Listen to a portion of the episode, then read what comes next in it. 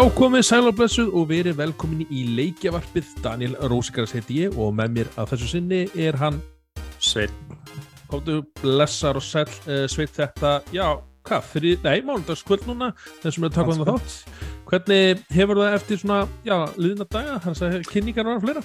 Ágætt, þetta er þetta öðru í tímabili en maður er vanið, maður er vanið miklu stífra prógrami og kynningum, þetta er svona svolítið bara eins og létt sumafrítið samanbæðar einhvern veginn núna. Akkurat, ég, ég er búin að hafa, þetta, hafa mjög gaman að þessu og við ætlum að fara í það hérna bara rétt uh, strax og en, jú, það er auðvitað hefur maður viljað að svona, já, ekki nefnilega meira, jú, maður kannski sakna marga kynningar, marga leiki og svona kynntir og, já. Það var alltaf ákveðið vend í í þrý, þetta er svona eins og maður kalla alltaf lili jólin, eða jólin. Já, akkurat, eins og einhver orðaði, ég sá hérna anna mjög góð viljingu af hverju í einu podcast að voru að tala um svona af hverju hana, hún þótti í þrý skemmtilegar heldur en jólin, þá sagði það er því þú tóru fullorinn og þú viss hvað færi jólakjöf. Nákvæmlega, þarna er alltaf eitthvað óvænt. Já, það, en í þrý þá viss ekki hverju pakkanum. Mm -hmm. Þó það getur stundið verið lötta og annað. En já, heyrðu svona hefðbundu svona umræfnu hérna leikverfsins, hvað hefur þú verið að spila uh, þessa dagana?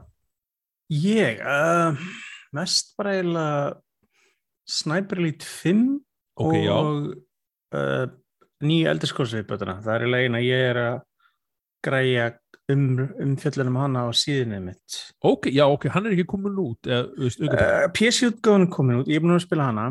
Okay. Konsolgáðun kemur núna út í næstu viku. Gekkja frá. Á PlayStation Xbox og endilega við kveitjum allar til þess að fylgjast með Nörðsins á hérna helstu hana, já, hvað segir maður, samskiptumilum uh, sérstaklega það byrtist hérna það, hvað heitir það, High Islands. Jú, High Island. High Island, hérna aukapakkin fyrir elderskóls og sveit verður með umræfnið það. Uh, það sem ég hef verið að spila uh, ég er ennþá að spila Horizon Zero Forbidden West.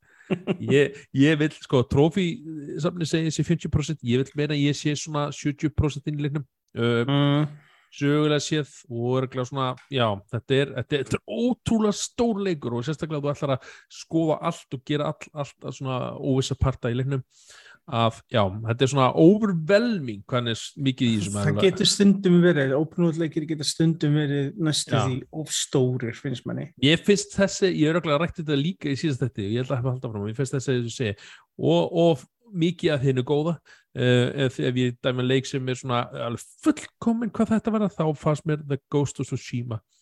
Mér fannst það bara svona, þú veist, jújú maður var helling að gerjunum, helling að auðgafni og, og þegar maður var bara búið með það bara svona já, þetta var, tók allt 50 tímar plattinu leikin og það var bara allt búið og það var bara svona, okkur þetta er ótrúlega þægilind ég er ekki að segja þetta aftur í þriðaskiptið, það er þessi leikjafsins en já, svona leikin en þessi þáttur uh, leikjavarpið þar að segja í, enna, er í bóði geimstöðurinnar og við kveitjum alla til að tjekka á geimstöðun.is og bara já og, og Facebook síðu geimstöðurinnar það er alltaf einhvað í gangi. Uh, uh, leikurinn The Quarry var að koma út hann er komin í sölu á geimstöðunni The Days of Play er ennþá í fullu gangi hérna hjá geimstöðunni og fyrir ekki þessum vita hvað er Days of Play þá er það hérna uh, eitthvað svona Sony tilbúið má segja. Og við erum að sjá PlayStation uh, 5 fjastringar á okkur 9.900 krónur hjá þeim uh, vanlega 13 skall þannig að endilega tjekkið á þessu tilbúðum og þetta er held ég til sölu á meðan byrðir endast. Já. Og við viljum að sjálfsög þakka geimstöðuna fyrir stöðningum þættinum. Og Já, uh, ég held að var ekkit flera sem ég ætla að koma að. Og sé að gleyma ykkur Nei, nefnum bara þetta er hlaðvarp Nörd Norðsins og, og við erum náttúrulega allum helstu uh, síðum, það er að segja segja alltaf síðum. Samfélagsmiðlum er svona og klassist Ég er að nota ekki social media. Já, það hérna, er það er eins og ég, ég fýl í íslenskunum og já, við erum á Instagram við erum á hérna náttúrulega Facebook og, Við erum ekki TikTok en Nei, við erum ekki þar. Við erum á emiskti ég er á gammal Nákvæmlega annars fyrir eitthvað fólk að report okkur Nei, nei, heyrðu hérna já, umræðefni þáttarins í dag er sem sagt, það voru tveir leikja viðbörðir hérna að liðnum. Það er The uh, Summer Game Fest sem er um sjá Geoff Keighley og svo núna í, á sunnundaverð, það er að segja þá kom hana með eh, wow, kom Microsoft með kynningum. Hún hétt einfalda Xbox and Bethesda Games Showcase Já, kannski næsta eru Xbox, Bethesda and Activision Blizzard Þetta verður eitthvað mjög lungan Kannski þeir að finna betra nafn þá. Já, nákvæmlega. Uh, Xbox, Bethesda, Activision Blizzard, Showcase Games, Extra, Ult Nei, ok. Já. Allavega, við ætlum að byrja á Summer Game Fest um, Mhm. Þeir hérna opnuðu hérna, kynninguna á að sína það sem við fengum aðeins að sjá úr State of Play, það var Street Fighter uh, 6 Ég sapnaði pínu þar. ég, ég er alveg ég, er búin að vera alveg, hvað segir maður ég kynnti Street Fighter uh, í Street Fighter 4 fíla hann alveg bort og ég, það sem ég sá á kynningunni var uh, frekar undarlegt þegar ég segi undarlegt þá var uh, þá byrjaði leikurni eins og hann væri svona í hvað sem, Se- opnar Já, veröld svona, já, svona einhver semi-open world eða eitthvað, þetta var mjög skrítið. eða þú veist, þá, þá ertu karakter í mjög, eitthvað aðsannlega gæðum að lappa á milli og þetta svona, þetta er eitthvað svona arcade story mót greinlega, þú ert að lappa okkur á milli svæða og, og, og hitt ykkur að kalla og, og svo hittur þú gæl og, og, og, og svo byrja slagurinn, þú veist, fight og það, eins og sé, þetta er greinlega þeir eru að fara í svona arcade stíl en að, það er að segja við söguna þá en svo eins og sé, blandast uh, bardaleikurinn uh, barda þáttuleiksins við bara allt í hennu og já, mér fannst þarna uh, mér fannst það líta vel út. Fyrst var ég svona ekki alveg, ég held ég við rættum um það mitt í síðast þetta, mér fannst þetta vera svona, svona Final Fantasy look, svona graphics eða svona, svona, hvernig karaktermóti voru, svo allt í einu var var bardaðinni bara eins og eh, þeir eru svona 2D og side-scrolling og, og mér fannst það líta vel út og af því sem fólk hefur hérna veit ég sem hefur prófað leikinn uh, eru að fílan, eru að segja Fighter að koma aftur, eftir, eftir hörmung sem ennum með 5 var Nei, Ég er bara ekki markkópnum fyrir þetta. Ég, ég er svona dáðast að hvað þessi leikir gera. Ég spilaði síðan Street Fighter að viti þegar Street Fighter 2 verið spilakossun. Ég er það gammal. Já, meir, já, ok, já. Ég er, eins og segi, þetta er rosa erfitt svona, eh, svona bardalegir, eins og slagsmáleikir. Þetta er svona, þú veist, það er svo, ef þú ætlar að vera góður þá þarf þetta bara að spila hann og spila hann og spila hann og spila hann og spila hann og ég get bara... Spila sagt- hann bara næstu því yngung. eiginlega sko, ég hérna, veist, ég er í hérna vinahóp sem við erum að spila hérna hérna Smash Bros hana alltaf veit og við hefum að vera hittast uh, já, það er lá- látt sem við hittum síðast það er út af hérna, já, svo litlu og hérna og já, er að segja, ég finn það að ég er svona æfum ekkert með, milli en móta og þeir alltaf pakka mig saman og það er bara, ég, bara, já, ég veist til þess að ég geti einhverjum leik þá þarf ég að gjöra svo vel hérna að, að, að æfa mig og æfa mig og æfa mig ég bara hef ekki tímalega þóli með það helst í það sko Þetta er svona eins og segir líka eins og með FIFA og alla svona leiki sem svona skill-based að þú veist, þú verður að sökka greiðilegum tíma og orku í þetta. Sér þegar maður er eldri og fullotna og hefur svona kannski fleiri skildir þá er það svolítið erfitt að sökka eitthvað miklu tímum þegar maður táningur. Akkurat. Herðu, já, svo hérna fengum við sjá annan leik held ég sem síndur á hana svona í kynningunni, The Cal Callisto Protocol. En Já, þarna fengum við þetta demo. já, fengum maður sér svona meira gameplay Já, já. demo og einhvern svona special cut af einhvern trailer þokkabót. Hérna, hvernig fannst þér hann? Men þetta er þetta bara Dead Space Já.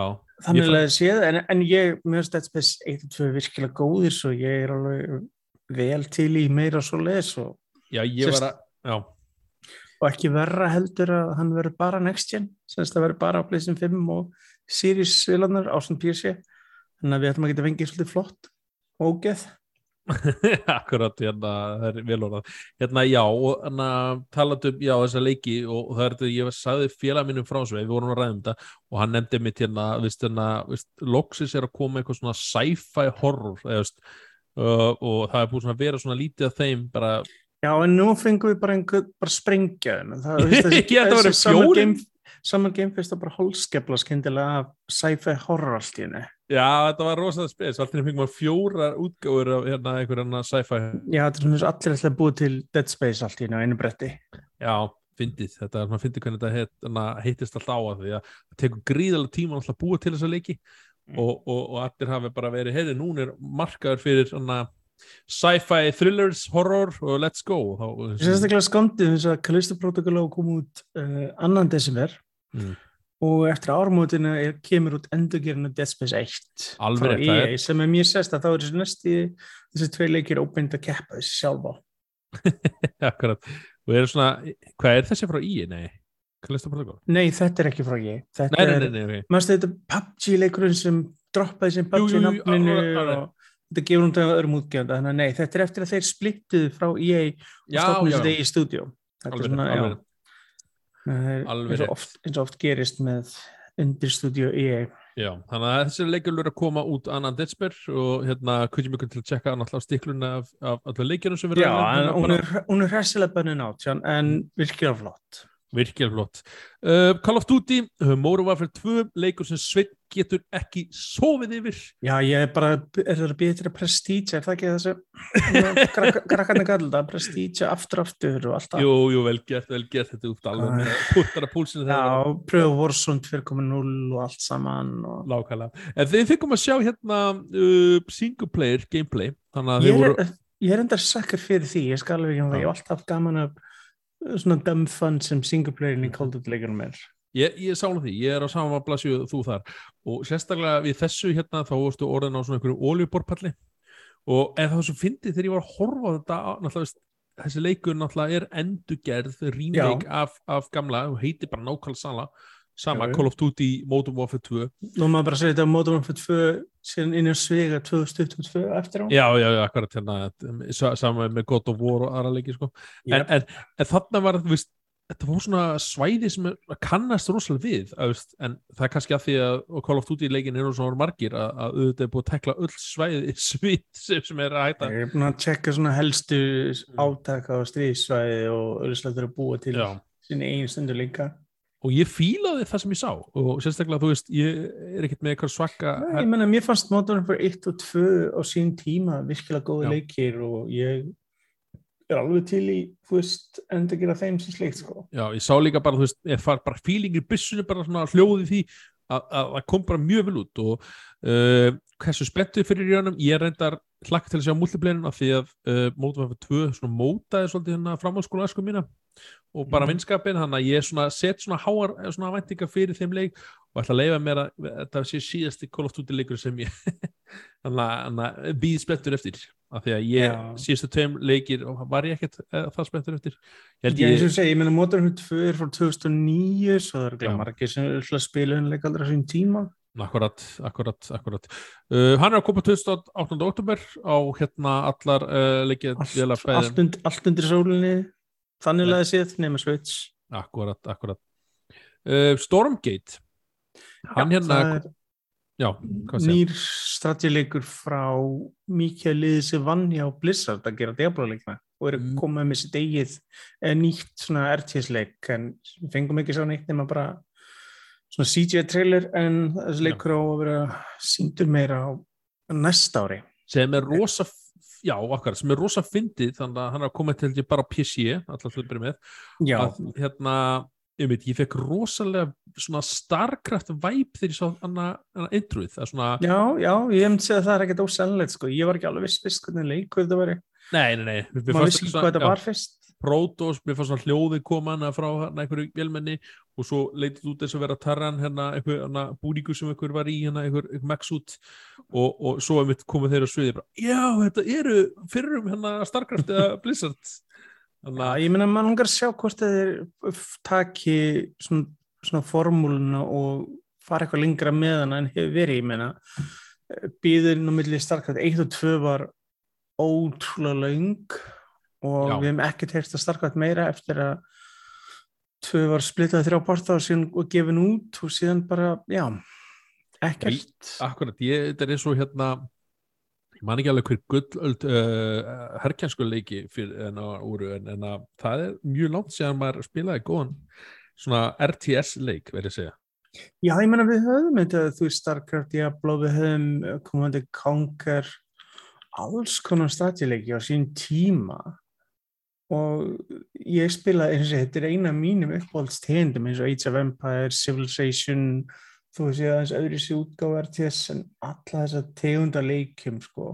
Mm akkurat um, Starcraft einmitt, er að segja RTS leikir um, uh, ég var mikið sökkar fyrir þeim og, og er það eiginlega ennþá sko, eða þannig séð en Já, er- ég sökk, miklu tíma í þessu Total War leikina og svoleiðis ennþá. Það er eins og hérna að því það er, veist, það er ekki til neitt lootboxes fyrir þess að þá þessar típur og eitthvað svona það er eins og sé ekki markar fyrir að selja þá eða fattar við hvað ég Ja, minna þeir reyndu að hressilega samt að mjölka með Real Auction House í Diablo 3, mannstu? já, já, já, já, en ég, mynd, að- ég myndi ekki alveg segja að Diablo væri í sumu na, na, Nei, hann er öll meira Já, þú veist, en já, Þegar þeir fyndu lauð í innan Diablo Immortals, það er hreinu.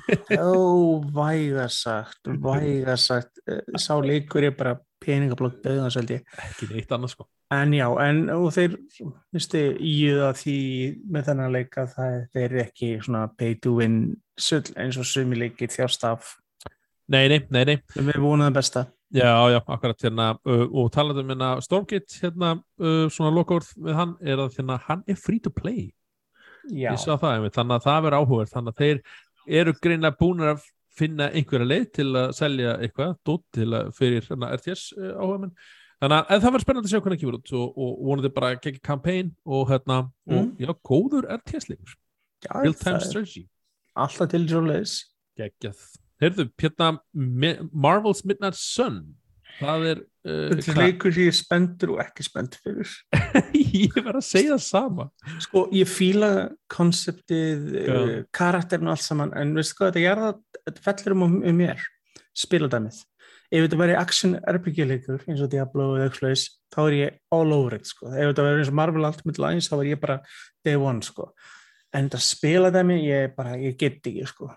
Og það er algjörlega jarðar þetta fyrir mér, sko. er þetta ekki einhver XCOM svona fílingur eitthvað í þessu Jú, þetta er miklu meira card-based. Þetta er bara, veist, svona card-based dæmi.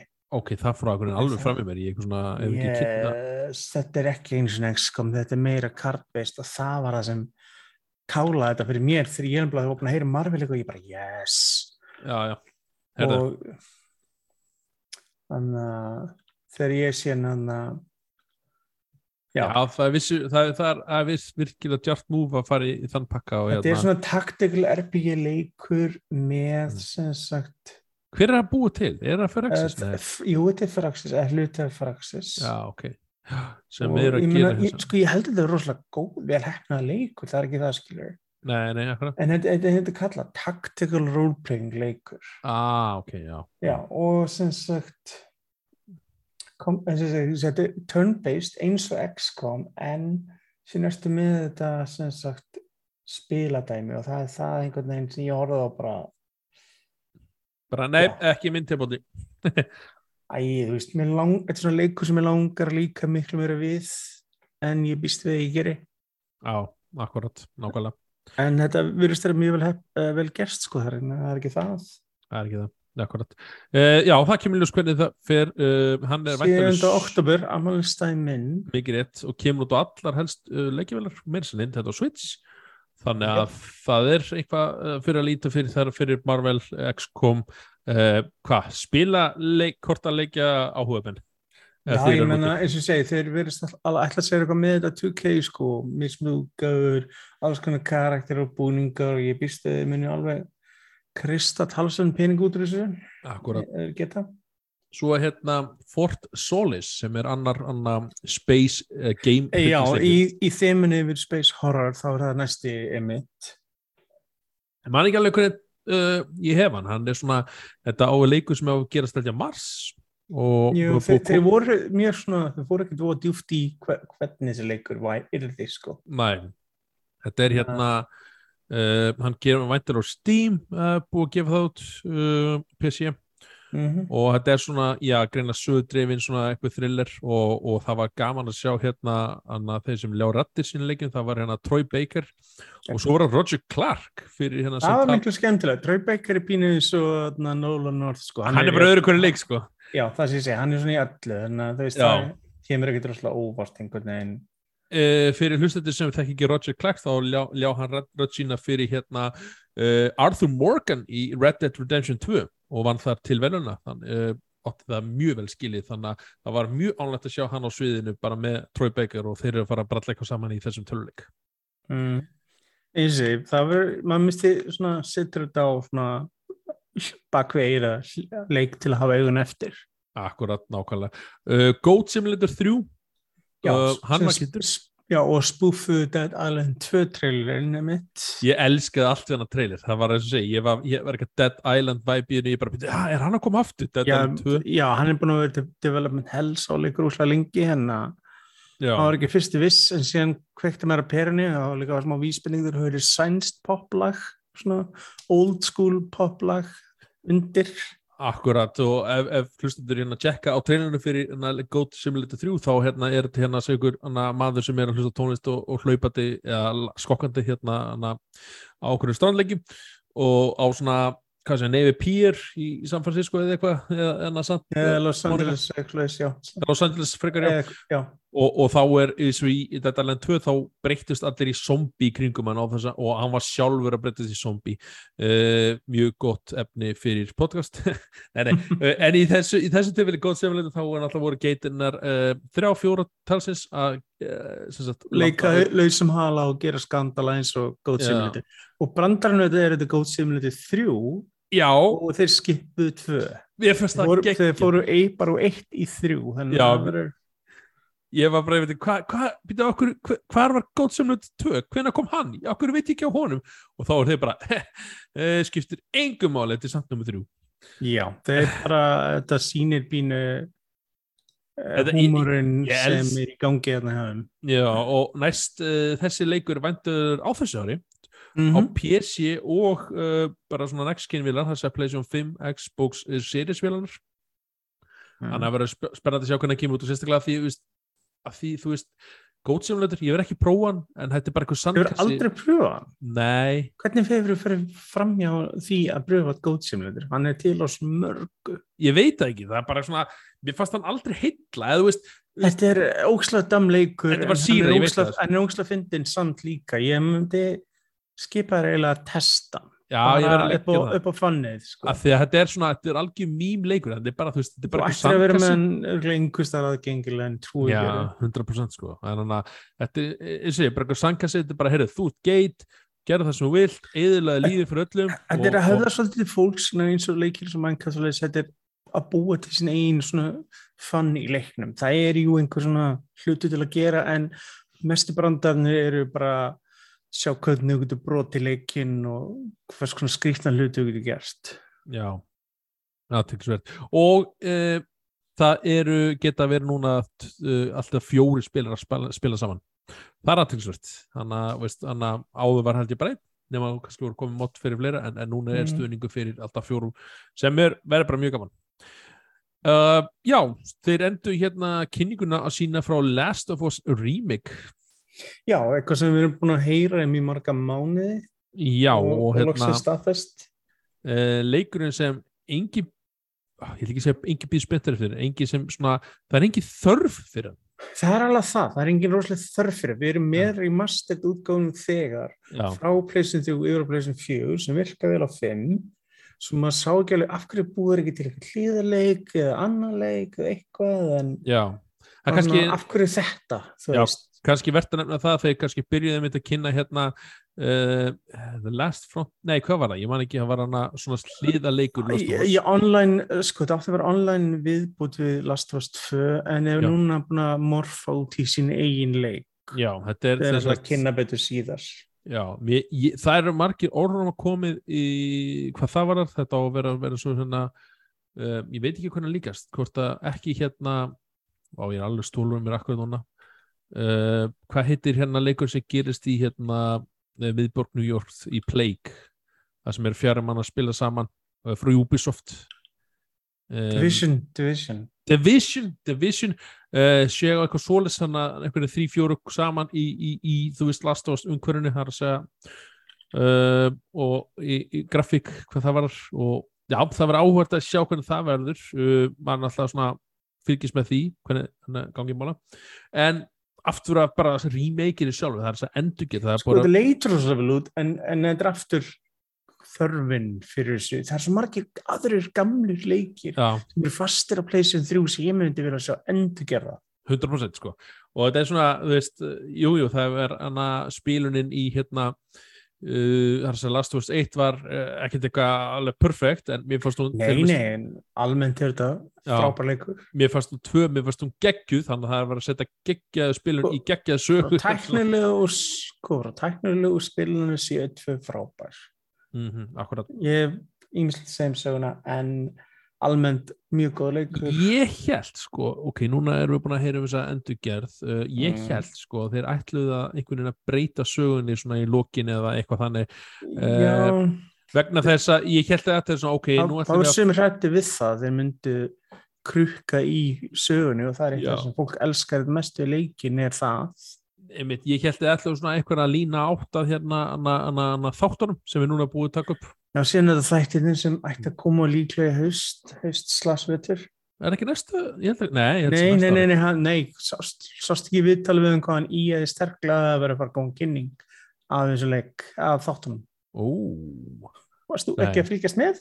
Jú, ég held að væri búið Í er staðfest mjög mikið að, þú veist, já, nei, ég það er talað um þetta, hvort þetta endi í lók ársins eða hvort löðis en mm. HBO mun klálega, og ég held að HBO væri búið staðfest að við kem ekki að svona sko. ég held að, já, mm, ég segi, það er rúmur sem að verði kynnt, en það er bara, þeir eru eins og ég segi, þeir eru nýbúinur að taka upp Já. season, season one eða að- seasonið eða hvað sem er. Já, ég hérna einmitt hérna, að það var hérna sem hérna vinur mér sem sagði bara, veist, það er enginn að byggja mér um leik. Eða, þú veist, þú veist, jú, jú, ég mun spila ég mun klára hann, ég mun örgulega platta hann eða eitthvað, en, en af því það er bara ekkert annað að koma út sem er, þú veist Já, Já. ég menna, maður vil líklega spila þetta en, en já, ég, eins og ég, ég maður hefur fundist, þetta er eitthvað sem hefur verið að eða tíma og pinningum í eitthvað annað eitthvað annað, algjörlega.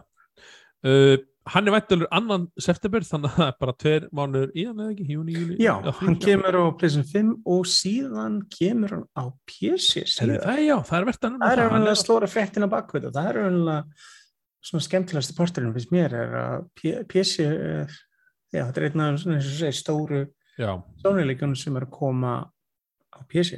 Kemur ekki óvart, það kemur bara eins og nóvubur desember á PC svona, Já, ég held að verði eitthvað, einhver tíma eftir og ég held að PC þannig að vera mjög spennandi. Ég, eh, mér hefði klúst kíkja á hana.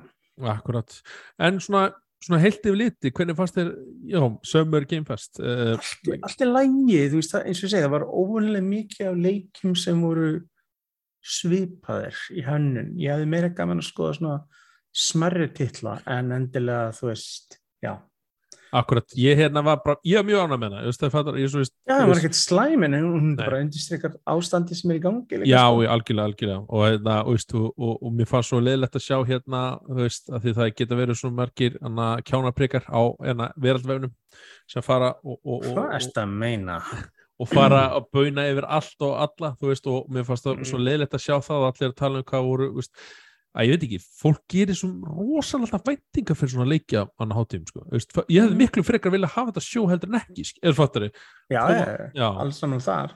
þannig að veist þið segið, þú veist, og, og allir verið eitthvað, "Ó, hver tilbúin að hafa þetta, ætla ekki að sína þetta, veist, og, og, og, og veist, og hann alltaf var búið að leka Last of Us remake-inu bara degi áður. Og hérna, já. Og búin að orðrúma regla hálft ára undan. já, horrið, já, og maður svona að "Ah, please ekki vera rétt, eh, ha, er þetta rétt? Ég veit ekki, nei, já Þarna- er búið að vera lengi vita að það var eitthvað að vera að koma. Mm akkurat uh, já, eins og segi, ég var, ég var svona, þau öllu botni kvöld, þá var ég bara mjög, jú, ég var ánað með þetta ég hérna gaf þessu kannski aðeins að háa einhverjuna og það var svona netinu svo, já, Mm. veist það var svona A, B, C, D, ég var svona, það var, ég var A, og svo sagði, nei, svona, ég það hef aldrei gefið svo ama. Nei, ég var- bara ég var bara svona- Ég mínus eitthvað já. Þetta var svona, svona B-kynning fyrir mér, svona, já, Mm. hana, en hana, ég, ég hafði mjög gaman að henni og hana, hafði gaman að sjá hvernig þetta þróast þar að segja, veist, um, sé, í þrýr ákvöðu, na, eða, veist, e- ákveðu að vera ekki með einn eitt ár og það að, að það var hægt að skreppa einhverju saman á þessu tíma. Já, í því er þá að þarna, berjast fyrir lífinu sínu, getur við sagt. Það er bara nákvæmlega þannig. Það er hérna og, og, og það verður spennandi eh, bara að sjá uh, næstu árin og sérstaklega eftir ár hvernig þetta verður af því að ég held að game, Summer Game Fest þessi, þessi leikjahátti sé ekki að fara neitt heldur Já, ég sko, ég, hún er fín, það bara verður skemmtilegra aðinni þegar að bransin verður komið með eðla að horfa aftur. algjörlega, algjörlega samla því Og ég held að þá er þetta að gera virkilega fyrst skemmtilega hluti. mm akkurat þannig að það er alltaf það er alltaf einhvað á döfinni á, á þessu ári uh, Mm. fullt að leikjum að koma og aðrir ekki að koma Nei, en hérna það var ekki bara hún sem hérna, þetta var að finna þetta það var ekki bara hún sem fór fram uh, heldur fór hérna uh, Xbox and Bethesda Games Showcase var núna á Já, það var svona næst, næsti stóri partin. Það er búin að aðra smerri kynningar Mhm. sem kannski ekki tala um setna, en aðal svona það sem fólk var að býða þetta mest eftir var já, Microsoft og Xbox, uh, sest, Xbox og Bethesda kynningin sem var núna svona spildi Akkurat, ég var rosspennt fyrir henni. Ég var hana, og, og hlakkaði til að sjá hvernig það fór. Og, og já. Mm. uh, kynningin byrjaði á Redfall það er að segja leikunum fyrir Arkane Studios. Sem átti uppnáðan að koma út í sumar en það var senkað á eða Starfield fyrir ekki, báðum til næsta er nöfnin maður. Já, en já, en, en sko þau, voru klefur sko, þeir, þeir síndi bara gameplay, bara pjúra gameplay. Þau voru ekki að flækita með einhverjum CGI það bara þeir síndu svona co-opið og spilunna og ætti þessi klála að sína slatt á leiknum Ég fekk alveg sko svona Deathloop vibe í því svona þú veist þetta er náttúrulega sama Þetta er Arkane skilu, þetta er Dishonored sem er að gera þetta þetta er Arkane's Austin, þetta er ekki Arkane Leon. Nei. og Arkane Leon gerir Deathloop eða mann rétt þannig að þeir svona hafa skipst á. En það er svona já, þetta er svona, mér hugsaði pínu veist, já, þetta er pínir Dishonored, þetta er pínir Back of Blood, þetta er svona ímislegt Þegar ég átti við með, með eins og Deathloop er að það karakter í, í trænum alltaf tala sjálf og sig mm. Deathloop er svolítið byggður af því þetta er svona karakter sem eru bara að tala sjálf og sig eitthvað, þannig hugsa bara, er það að fara aftur þannig, ég held ekki, ég held að þetta var meina svona að að, þetta var svona personan að tala til að lýsa viðbyrjun það sem er í gangi á, á sama mm. tíma, þú veist, þannig Uh, ég, ég hlakka til að sjá meira frá þessum leik uh, ég var ekkit allt of hæpar, ég verði að segja það þetta er svona, nei, nei, myna, þetta, er svona þetta er leikur sem verður rosalega svona býður og sé til, gæti verið skemmtilegur gæti verið, þú veist alltaf já, svona fjóra manna kópleikur það sem manna, uh, já, þau eru að berast við vampýrur og einhverjar skeppnur sem eru búin að herja á. Þetta er svona áttun til að spila með, já, við munum sérstaklega að þetta er Game Pass leikur svo, þú veist, ef þú ert með þrjá ára vinið þá getur þetta eh, alveg mjög fínt sko. Akkurat, algjörlega. Og hann er, eins og ég, vantalur uh, 2023. Eh, Kanski verðt að nefna það þegar Microsoft fullir það að leikina sem þau voru sína uh, munu koma út á... Snæstu 6-12 mánuðum. Ég, já, og við þurfum að, við skulum koma því, ég er rosa skeptikur sem það af þessu leiti, ég, ég held að að koma út á næsta ári, en það spurning hvort það koma fyrir júli, júni það bara, þú veist, það er svona en, en, en, en það er umræðið fyrir, fyrir svona að setja part af þættinum. Það er alltaf einhverja tilfæslur, en þeir eru samt svona, er já, það er kannski sem er sem er sagt er að það var ekkert kynnt, einmitt tala um leikir sem er 2023 setni past ásveins eða 24 sem margir eru einmitt uh, spenntir að vita, þeir eru byrjum að sjá virkilega afleðingar af kaupið Microsoft á mörgum stúdíum og leikinu þeirra að koma loksins. Nákvæmlega. Uh, Hollow Knight Silksong, hann var kynntur eða síndur Já, ég held að, ég held að og, og, Nei, það var eitthvað fyrst sem var síndur og þetta er emmitt uh, leiku sem margir er mjög spenntir fyrir. Já, reykla lítur vel út. Spilaðu þú fyrirleikin? Uh, já, ég spilaði hans fyrirleikin bæða Switch og á Playstation Já, akkurat. Og Já, skemmt að þú nefndir Playstation því að uh, þegar var bara búið að kynna leikin á hérna Switch og PC en það var mhm. ekki búið að gefa neina svona aðra leikjavíla og, og nú er Xbox búið að kynna en það er ekki komin inn Playstation svona útgáð Ég man ekki hvort var console launch eitthvað exclusive ekki en, en þeir eru minnst til að borga eitthvað fyrir að hann komi á Game Pass. Já, akkurat, hann, Day One sko. Day One og Game Pass Það voru allir leikirnir sem voru kynntir meira minna sem voru já Day One. Já, akkurat. Uh, Já, með Silksong, Silksong uh, eins og sé áhugavert að því að já, ég, ég áalveg vonaði að komið náttúrulega á einna pleysisum líka. Þannig að það sé bara önnu kynning fyrir það hvort það er svona Sony eða þá hvort það verður með svona tíma, timed exclusive kemur ekki óvart á Xbox, PC og Switch. Mm. en það verður svolítið, svolítið skrítið að því að hann koma Switch líka Að, en það getur vel verið að þess að segja að Microsoft hefur bara, heyrðu, við erum tilbúin að borga þetta svo hann komi á Xbox fyrr en, en ella, þú veist, það getur vel verið að þessi eitthvað svolítið, sérstaklega á Game Pass. Um, mm. engin dagsinning ég hafa búin að veðja í okkur fantasy-leiknum að kemja á þessu veri Það er það alveg möguleg svo gerir, sko. Já, akkurat hérna, já já, eins og sé, ég er rossbent fyrir þessu leik og hlaka til hérna að sjá meir úr húnum og ég held að við sé að koma þessu ári en, en ég á alveg viss vona að komi bara ekkert út uh, næsta ári. Mm. um, High on Life þetta það var, það var alveg skemmtur svona surprise hún fannst mér af trailerum. Mjög sýrður ykkur svona Rick and Morty leikur Já, fyrir það sem kannast í Rick and Morty og Solar Opposite þá er þetta nákvæmlega svolítið stæmi og svona skemmtilegur cartoony og twisted uh, skotleikur Já, bissunar hafa einhver andlit og tala við þið og, og segja einhver skemmtilega sögum, ég fannst mjög skemmtilega fyndi. Þetta er mjög fyndið trailer, ég en að hvað Já, ég, eins og segi, ég endilega Mm. myndi segja að það er mjög gott svona að sjá hvort þetta sé fyrir fyrir ykkur með sko trailerinu mitt Já, High on Life, uh, endilega tjekkið á trailinu honum, hann er mjög stektur. Uh, Riot Games uh, tilkynnti það að allir leikir síðan leikir eru að koma át á Game Pass. Já, á, á mobile, PC og slash konsola fyrir því hvaða leikur það er?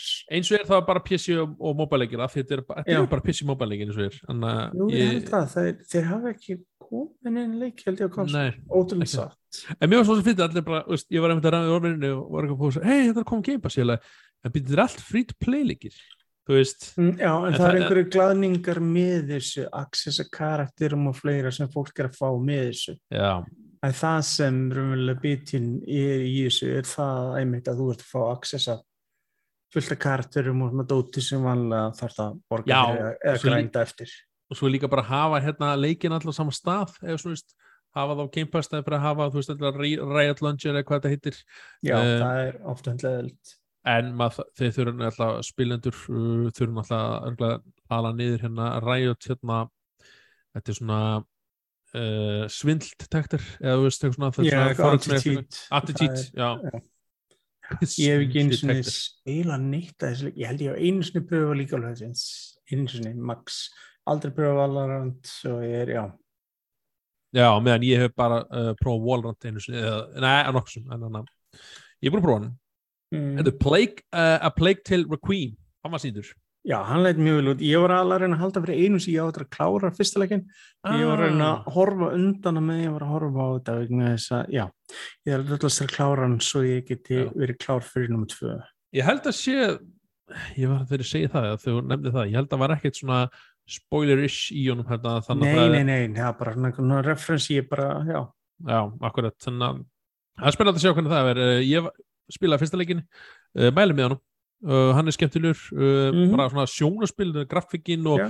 og, og sérstaklega, Ég er búin að vera á Game Pass á PC og konsól og var síðan einn af PlayStation Plus leikið með við maður eftir ekki á PlayStation leika. er, er, er, er, er hann að koma svo líka, hann að, hann þessi leika pliktil? Ég held það, ég held það, já. Já. Hann er væntalur á Game Pass eins og ég, á Já, Day 2020. One Game Pass leikur.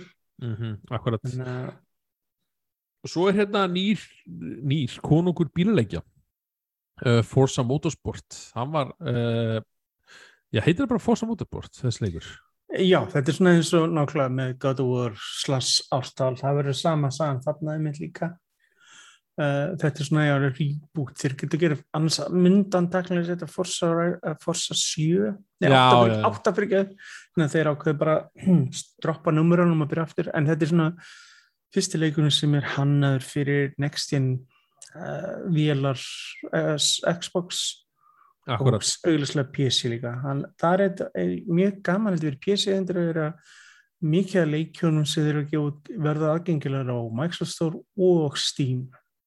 Akkurat þessi leikur er svona þeirra svar fyrir hérna náttúrulega Grand Turismo leikina já, hefur alltaf Eh. verið uh, þeirra mótsvar og mér finnst þessi leiki þó ég ekki spila, mér finnst bara útlítið við það og bara heilla meira ef ég að segja satt. Já, ég meina það er líka með það eru nú að gefa fleiri leiki en hinnir já, sama, á líka sama bara, tíma og eftir í- gæðaflokki sko. Þú veist, ég veit um nokkar sem voru bara, þú veist, rosalega spenntir bara fyrir hana Grand Turismo hana, hvað, sjö nýjasta og Mm. bara tölu lítum annað. Uh, ég hef ekki heyrt bófs í það núna af því að þessi leikur Nei, en það leikur, leikur kom og bara hvarf einhvern veginn já, þeir náttúrulega ge- veist, fóru í algjöra micro hana, transaction súpu bara, þú veist að Já, pe- þetta peningablokk og hryllingur sko, það Og er ennþá. Já, þannig að þetta er góð leið til þess að skjóta leikið niður strax einhvern borga 70, 70 dólar fyrir leik og, og, og svo vera með einhverju búð sem þú þarf að grænda veist, Það er mánuð. máli, sko, já, að leikurinn sé ókslega nískur og allt saman vegna sem ætlast þau gaupir. Ég meina, ég get hort fram hjá því og leikurinn frýr ekki ef ég er að borga fyrir hann. Akkurat, ég er sammála því. Uh, Já, aðeins að Forza Motorsport þeir lögður ríka áherslu á umhverfið og, og allt sem er í kring. Uh, virkilega fallið útleyslega séð bara trén og og- fjöll og, og, bílanir Já, þetta er eins og sé fyrir bíla áhuga fólk að vera þetta Já, ég verði að vikina að minna fórsaræðir sem hefði meira tíma en það, það hann er meira arcade en ég hef alveg haft gaman að fórsa líka og ég þekki við lið sem er alveg hardcore bílalið sem bara, þú veist, elskar þessa leiki, stýri, Já, ok. alls konar græjur, þú veist, bara sim alla leið, sko. Og þetta er serið sem alltaf gert góð hluti fyrir Microsoft og verðist alltaf að vera það. Ég held að ég kemur ekki, næsta var það ekki Uh, Forza, jú, Já. það kemur 2003, uh, næsta vor. Þannig að það verður spennandi að fylgjast með honum. Ég er svona, eins og sé, maður munur hafa augun á honum og ég, ég er alveg saman þeir ég er meira svona arcade feelingu þannig að það er cool að þið En, getur en verið það er með þetta næst að þeir eru þess að tvær serjur, þannig að fólk hefur access að hvað sem heillar, þú veist, uh, þeirra einn líkstíling, en mjög þægilega. Akkurat, akkurat. Hérna, já, uh, Microsoft Flight Simulator fer 40 ára amalisútgöfu, bæta við þyrlum og, og sviflugvilum og elgumlu rellum og bara Já, og flugvölinu úr heila. Mér fannst, mér fannst það ánslega töff. Ég Ég, er svona, ég pröfaði að fljúin í, gæ- í gærum mitt, já, ok. með, yfir uh, keflaug. Það var st- stremb, sko, það erfiðast að við fljúin er auðvitað, þetta er eins og, uh, hvað heita flugvölinu? Það eru sem breytarnir nátt alltaf, það er ákveðnar, harjar, já, harjar. Já, sem geta svifið og flogið. Og þetta er svona svipað, ég var Já. heilengir að mig á hvernig ég geti gert það, en það er líka annað skandi við þessa er að þú getur flogið upp í geiminni inni, eitthvað ákveð land. Ég veit ekki hvað land, svipað eins og þetta er í Gun fyrir díl sínu þá getur þetta ekki stratosfér flög líka sem ég býst þetta sikkert svo leiðis nákvæmlega. Uh, Overwatch 2, spennt fyrir honum? Þú meina Overwatch 1.5 eins og allir kallir þetta. Þetta er bara, þetta er 2.0. bara einhvern veginn veist, Overwatch byggt ón á Overwatch 1 þetta lítur með þessu út eins og 1 Ég, ég, ég er einhver leikur, ég var að streyma á þessu viðbjörnum, ég talaði um þetta og ég sagði, ég veit ekki, veist, það, þetta er svo, þetta er ekki alveg sem er lest og þú veist, jú, þetta er bara, er einhver þörf á þessu, veist, sko, ég, þetta er vinsall leikur og það er búið nýtt content fyrir hann en að kalla þetta tvö brandar vegna þess að þetta, er engin sko, vanlega þegar maður segir tvö þá er eitthvað stór stekk á milli en þetta Já, er, þess vegna segir fólk að þetta er 1.5 þetta er bara, er bara, spiff, spiffar útgáð eitt með fleiri karakterum og, og maps og er, it. já, to play. mappbreytingar og útlýstlið séð, þá var hann eitthvað, ég er að segja ég alveg lítið mun á leiknum og það sem ég hef spilað á PC Já, ég, ég gæti ekki séð neitt svona með, veist, þetta er bara svona Overwatch en þá, en ég menn Uh, að þetta er skemmtilega líkur fyrir já, þessa algjörlega. kýr og ég menn ég held að þetta verður fínt og ég held að það gerir góða hluti fyrir hann að verða free to play. Já, það, það, það er sem ég kom svolítið óvart, það það er umlega stóri, er hluturinn, ég menna það er lengi búið að að tala um en það er hann að keppa við leiki marga aðra markana sem er free to play, er rosalega erfitt fyrir hann að vera ef hann hefði komið út fyrir einu og hálfa ára síðan eða einu ári, þá var hann ekki verið free to play. Það er bara Activision bara, eru, seljum hann aftur við ætlum að græða, þú veist. Já, já, og þeir myndi auðvitað vilja. Þeir finna einhverja aðra leiðir til þess að mjölka, ég skal já, þér já, já, já, vissulega, vissulega algjörlega, hérna, eins og sé ég er svona, þetta var svona, já, ok næsti leikur, takk. Já, það er svona svipað, já. Uh, næstilega var með Ara History Untold, ég var fyrst ekki viss hvað þetta væri, sko. Ég held að vera Humankind og sína hann aftur Já, hérna- ég held að þetta væri eitthvað DLC fyrir Humankind eitthvað, en síðan Ah. held ég svona í tvær sekundur að, byrju, það er svo snemt fyrir nýja Civilization leik, getur já, það? já, akkurat. Já, en þetta semst er, er nýstættileikur frá stúdíun sem gerði Ashes, uh, Ashes of Singularity og er publisher af Xbox Game Studios og er day one á Game Pass á PC Mhm, þetta er svona, þetta er svona að leifa, þetta er mér sínist það náttúrulega fókus svolítið að leifa fólki svona að fá fantasíina ofti til að spila svona historical leiki þá er þetta svona stundum alternative history. Hvað gerist ef að þú veist Napoleon hefði ekki tapað stríðinu skilur já, ok. Hva, þú veist, þetta er svona, ég held að þetta sé pínu svona að að leifar að gera hlutin öðru í sig, þú veist. Akkurat, og, akkurat og sjá hvað gerst, getur gerst. Og það er alltaf, ég er eins og segi sakkar fyrir svona leikjum og að hann sé að Day One og Game Pass er bara win-win, sko, segi ég. Akkurat, það skemmir ekki. Um, Já, það var náttúrulega var hann að High Island, High Isle viðbúndin sem var sínt fyrir hann Elder Scrolls Já. uh, þetta voru einslega minna á einmitt að hann er að koma á konsól í næstu viku.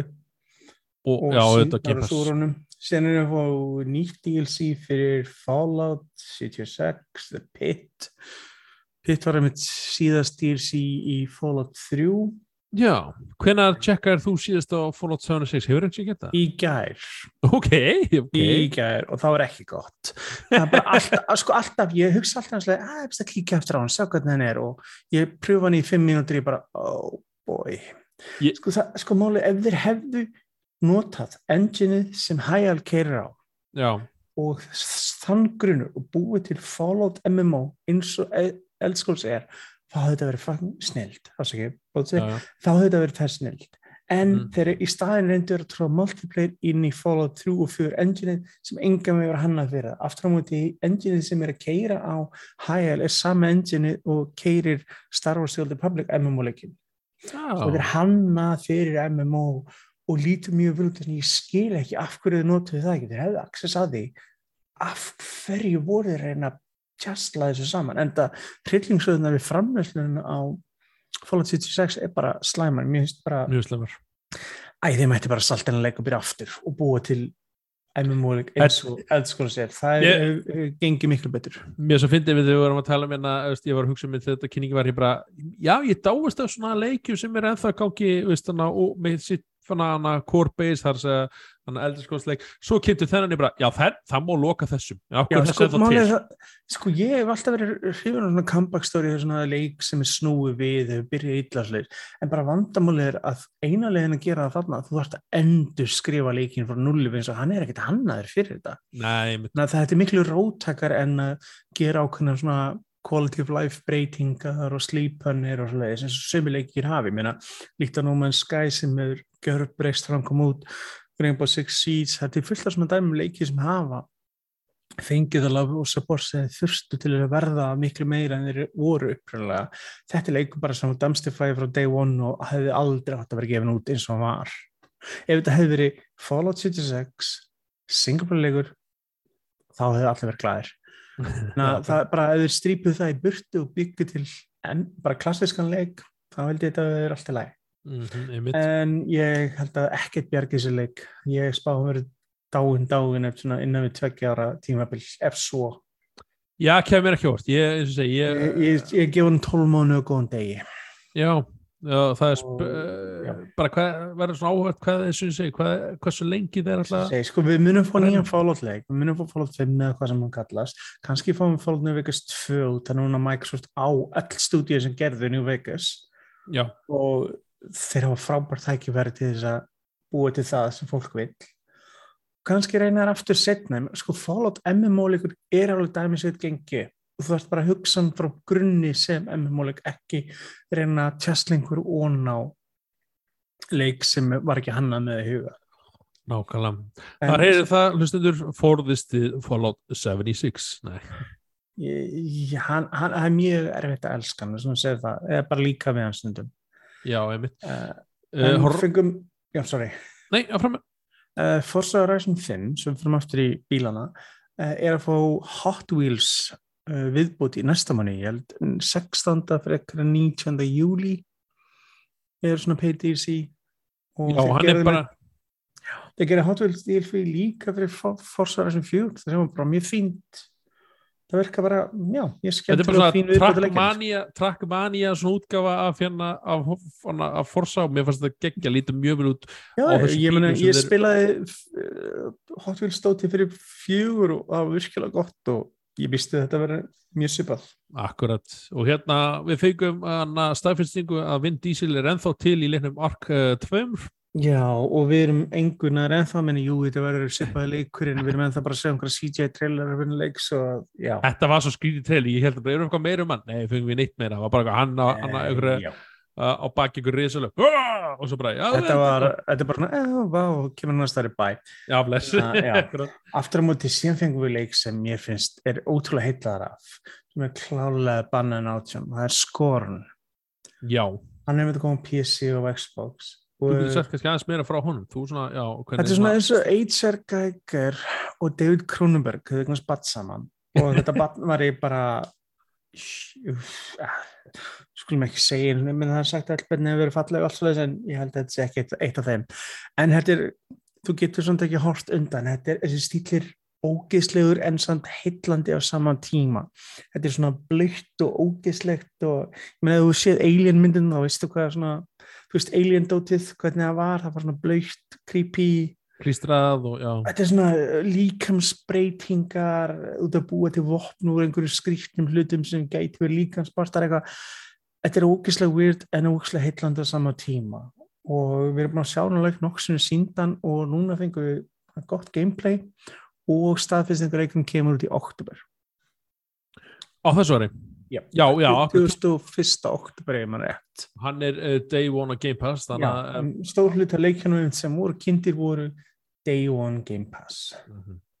Her, já, ég ætla að hoppa yfir hérna í næsta hérna Minecraft Legends uh, hoppa þess áfram og, og það er hérna þetta er, uh, já, það komur eitthvað frá hönnum Minecraft, kemur uh, Já, Minecraft ég var ekki viss hvort þetta var varðið mitt Ég, nei, trailerin var eitthvað veist, var voða skrítið, það var að sína einhver svona líf hérna, hérna fjölskyldi í Minecraft og, og, og eitthvað gæði var yfirgefa hérna uh, þorpið og, og, það voru aðra vittir og, uh, það, orkar eða, eða svín kallar, ég veit ekki hvað kallar þetta í Minecraft voru komið að herja á, ágera árás á, á, á þorpið og, meða var hetjan okkar að sameina krafta aðra bandalags uh, til að gera árás á já, þessa vondu kalla, ég veit ekki alveg hvað ég ætti að hafa Þetta er svona Minecraft mætir Stardew Valley eitthvað annað. Já, í þú- co-op eða eitthvað slags þetta svona, þetta er eitthvað svona strategy leikur. Þú ert að sapna einhver liði í svona, finnst vjúið mjög einkilegt spes og, og, og, og ég er, maður svona ég verð að sjá meira á henni svona, svona fyrir Já, þetta er svona, já, þetta er aðtíksett og ég meina þetta er Game Pass leikur á PC og Xbox og það er ekki eins og sé erfitt að testa hann fyrir áhuga saman fyrir viki þegar hann kemur út. Akkurat en að en að það verður, já, ég er svona eins og ég er fórvitin og var alltaf til að sjá meira.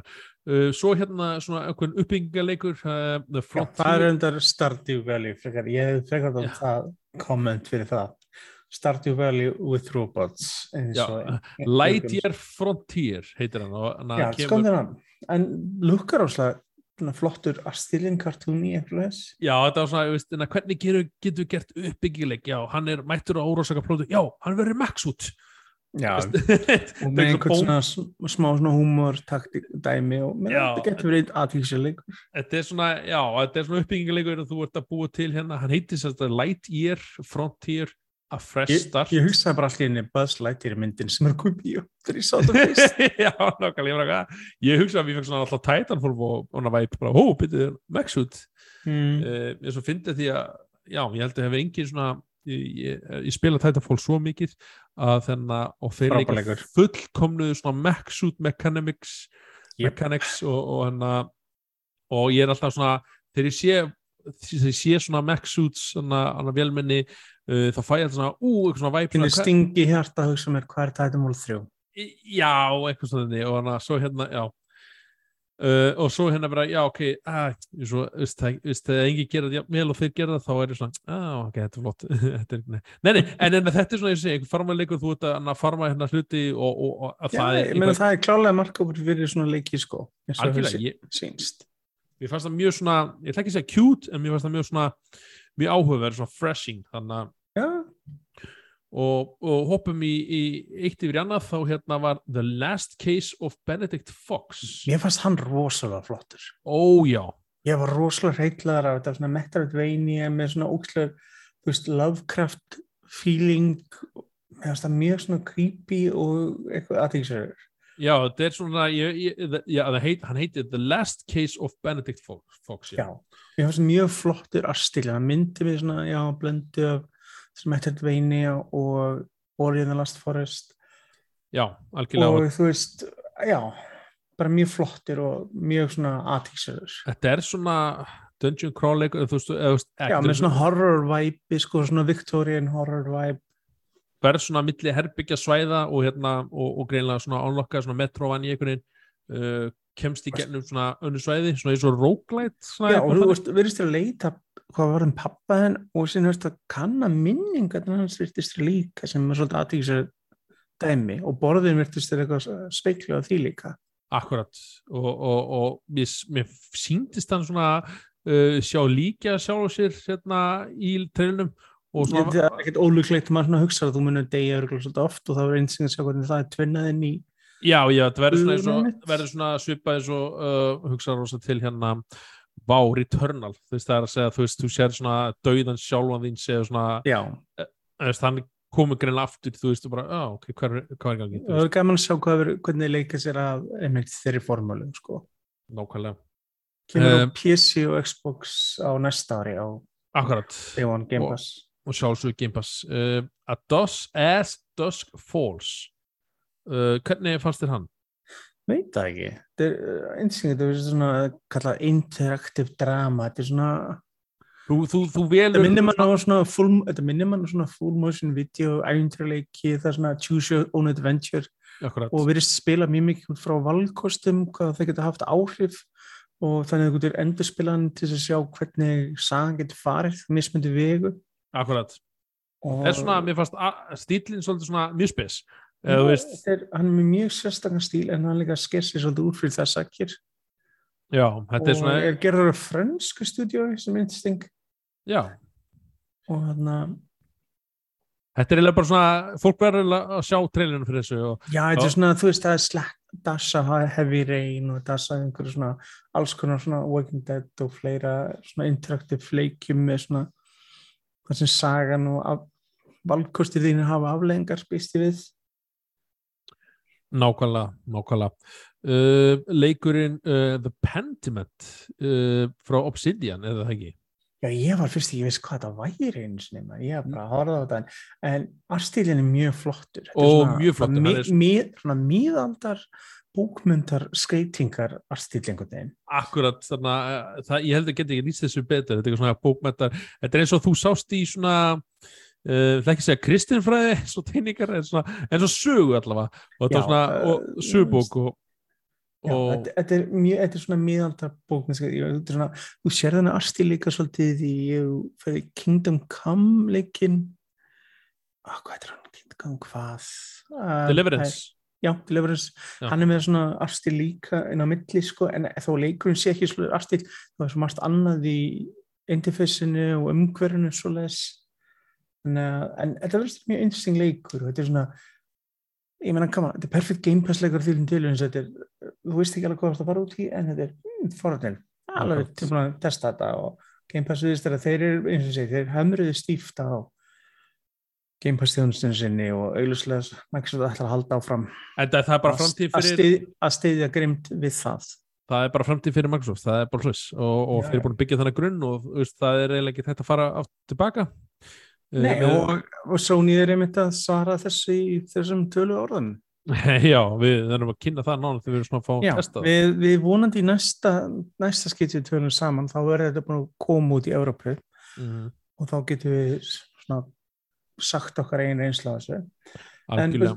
Obsidian síndi síðan líka úr uh, svona 1.0 af leiknið þeirra Grounded sem er svolítið cool Já, ég, ég er að spila hann þetta er svona þetta er svona, eh, ok, það er voðalega aðstændar referens að bíómið sem örgulega margir sem er hlusta af aldrei séð en hann er Shrunk the Kids Já. er síðan Disney Plus er það series. elskan, ég minkaði börnin okkar. Já, eða, eða það, eða það. En þetta er svona með krakkaslendi í því að hafa smækkað og eru först í einhverju garði og það sem auðvitað allt er myndur stærra og hættulegra. Já, og þetta er búin að vera svona þetta er svona open world sandboxleikur Minecraft element byggingar og fleira.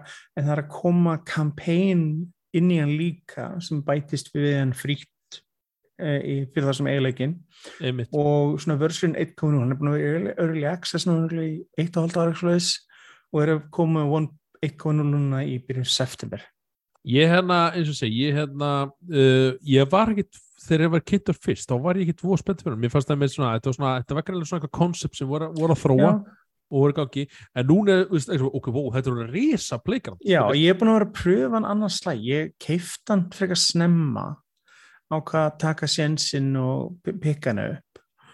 Og það er búin að vera gaman að sjá hann svona vaksa með tímanum. Já, algjörlega, og hann er bara, og, og þetta er eins og segi, hann er Game Pass á PC og Xbox og ég Já. býst ekki við að hann skilir sér á Playstation þar sem Microsoft á Obsidian.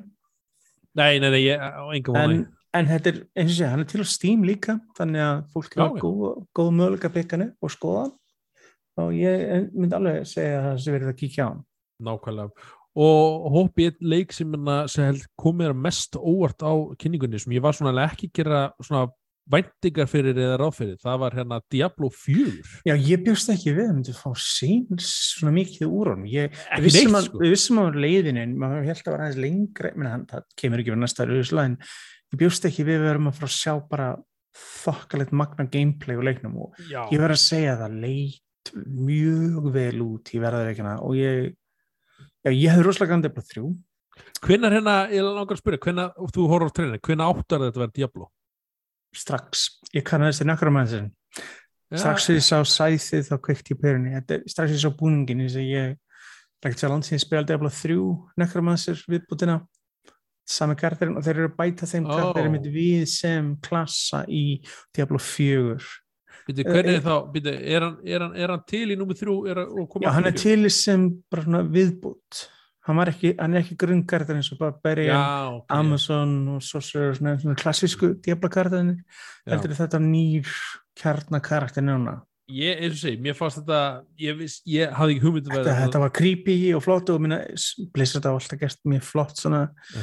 CGI cutscenes En satt og- var svona, þetta var svona, þetta var svona in-game, eh, svona einhvern engine svona, þetta var svona, maður var ekki alveg viss fyrst hvort þetta var Þetta var ekki- þetta var ekki- þetta var ekki- þetta live action en það var samt svona mm, ekki þetta, þú veist, Blizzard þarna CGI quality heldur og maður svona Mhm. alveg, ég, eins og segi, ég var ekki viss ég vissi ekkert hvað leikur þetta, svo bara, já, ok hvað leikur, svo bara kemur Diablo 4 bara What? Nei, hvað, veist og sko, ég meina, það hefði ekki komið mörgulegt óvart ef við höfum bara fengið þennan tref en síðan fengum við bara bítastaðan past up gameplay í þokkabót Nákvæmlega, fengum við svo single playerin, co-op, multiplayer, world events og þeir klálega ætla sér að styðja við leikin þesslega og maður sá skildtíð og bara holy moly maður þegar maður sá starðin á þessu, ég menna ef þú spila Path of Exile á PC og konsol þá getur ímyndaði svona skildtrí eins og það sáleikur með epist skildtrí og þeir eru auðvitað ætla sér rosalega vel, ég meina ég var mjög hrifin að hvernig Diablo 3 kom út. Sérstaklega eftir að hann fekk svona fyrstu uppfærslunar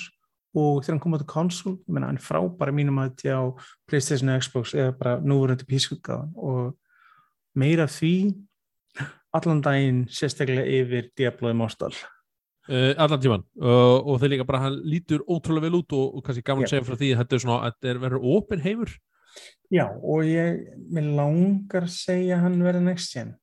Að ég veit ekki að segja next gen þess að við erum góðin. Já, ég fann, ég fann, ég fann, ég fann að kalla en- PlayStation 4 last gen og, og hittir ekki alveg current gen ennþá en En ok, ég sko, eh, ok, ég er samt að bylla. Hann er, er skráður í PlayStation 4, 5, Xbox One og Series, ok? já, já. ok. en Switch Nei, ég held ekki ég held að, ég held að Switch sé svona outdated grafík Ég held að Switch geti býnum já, verið En, útgáfu. Switch Pro kemur þá getum við talað saman að porta Diablo 3 kannski. Nákvæmlega. Diablo Immortal áttur á mútið getur gengið þess að hann er, 100% þann, er þannig leikur.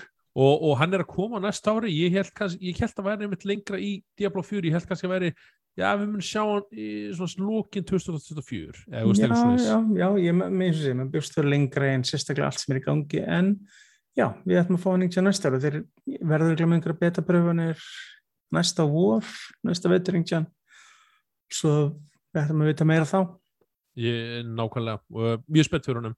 Uh, aðri leikið sem við sáum var hann að Cocoon frá hérna sunmu framleitu og gerði hérna uh, Limbo og Insight. Já, já, sumum að þeim.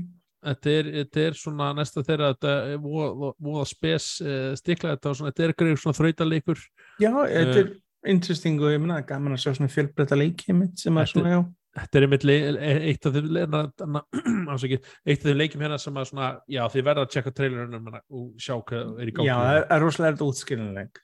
Síðan fengum við trailer frá hérna, hérna, Wulong Fallen Dance. Ég held að tímbilið þetta væri Wulong? Ninja. Ég held að þetta væri, ég var að vunda 9 og 3 en nei, nei, þetta var eitthvað. Í, og ég gleym alltaf hvað þessi serið heitir ég, ég er alltaf með ég veit ekki, ég hugsa alltaf á mikið um Geralt þannig í fyrsta veist, ég er Eh, eitthvað nýju, já, já, Geralt Geralt, en já, þetta er, ég veit ekkert hvað þetta er byggt á eða eitthvað svoleiðis, en þetta verðist þér svona byggt á einhverjum kýmuskum þjóðsögum og eitthvað svoleiðis og Já. verðist þér einhver hasaleikur og svona Souls leikur einhvern veginn svona, þú veist. Ég- ég- Já, ég veit ekki hvað mikið að halla í það, en nýjó er mjög mikið sólsleikur og fítn í þess akkir, en þetta er aðeinsrætt.